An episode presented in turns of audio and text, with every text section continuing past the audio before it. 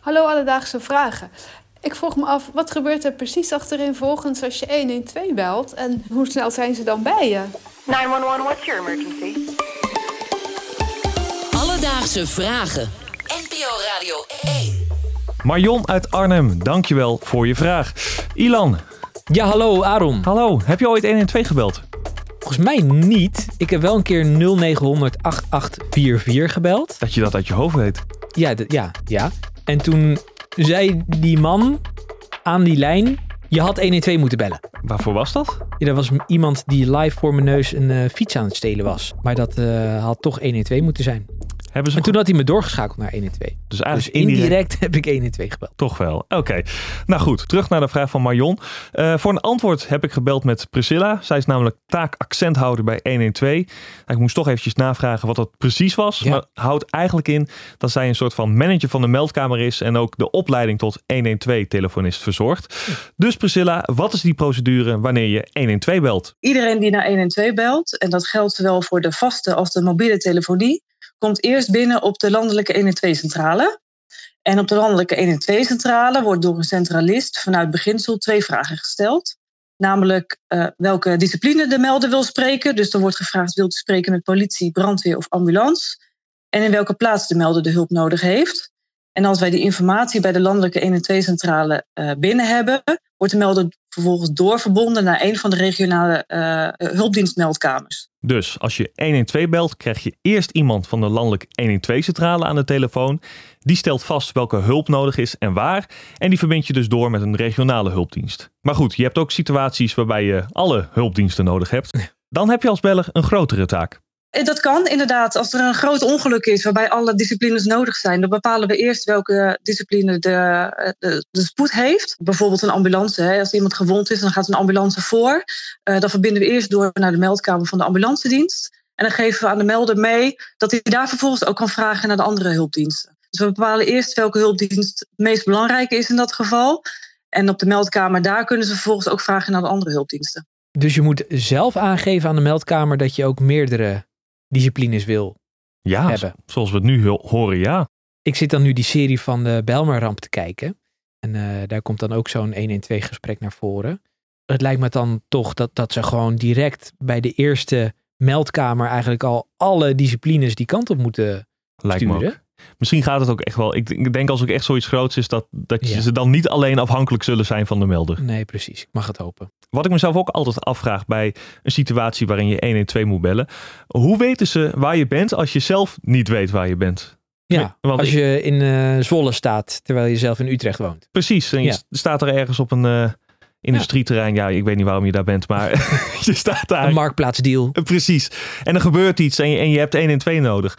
Hoe weten ze dan waar je bent? Nou, volgens Priscilla komen er met het bellen naar de alarmcentrale bepaalde gegevens mee.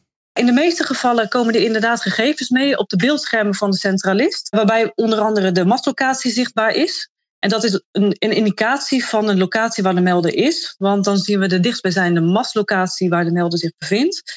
Maar tegenwoordig hebben we ook een, een nieuwe mogelijkheid en dat is de mastlocatie vanaf een AML-locatie.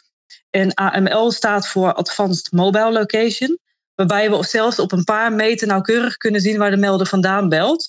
En is het zelfs mogelijk om te zien of de melder bijvoorbeeld binnen het pand is of voor een pand staat. Dus dat is echt perfect. En dat is hartstikke fijn voor ons als centralisten om te zien waar iemand is. Nou, wat goed. Ja, Wist ik, ik niet. ik vond het behoorlijk vet eigenlijk wel. Ja. Wat is het toch mooi om in 2022 te leven.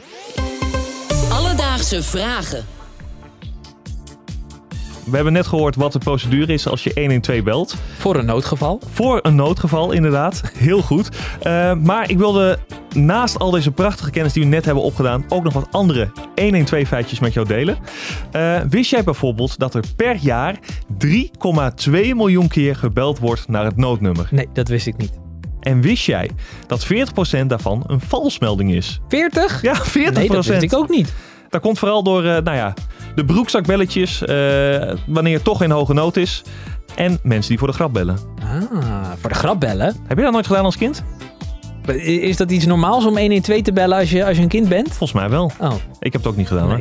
ik het. Goed, we gaan verder. Want wist jij dat we in Nederland 900 ambulances hebben die vorig jaar 1,4 miljoen keer zijn ingezet? Ook dat wist ik niet. Ja, nou jongen, jij gaat hier weg met een kennis. Dat is ongelooflijk. De laatste, we hebben ook nog de 15 minuten norm in Nederland. En dat is dat hulpdiensten binnen een kwartier ter plaatse moeten zijn bij een noodgeval. Ja, dat wist ik dan weer wel. Ja, maar goed, dat gaat lang niet overal goed.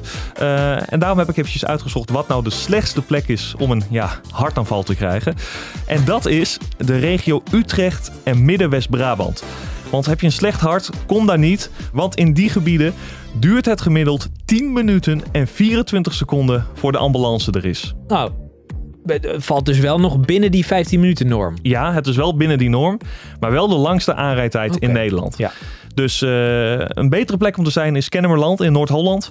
Want daar zijn ze er al met 8 minuten en 38 seconden. Daar kun je met een gerust hart uh, blijven. Dus Marion, om antwoord te geven op je vraag: wat is de procedure als je 112 belt? Nou, mocht je het noodnummer bellen, dan krijg je eerst iemand van de landelijke 112-centrale aan de lijn. Deze vraagt wat je nodig hebt en bind je vervolgens door met een regionale hulpdienst. Wel moet je daar nog aangeven als je meer hulpdiensten nodig hebt. Heb jij ook nog een vraag? Stuur ons dan een berichtje op Instagram. Dat kan naar Alledaagse Vragen of stuur een mailtje naar alledaagsevragen.radio1.nl en dan zoeken we het voor je uit.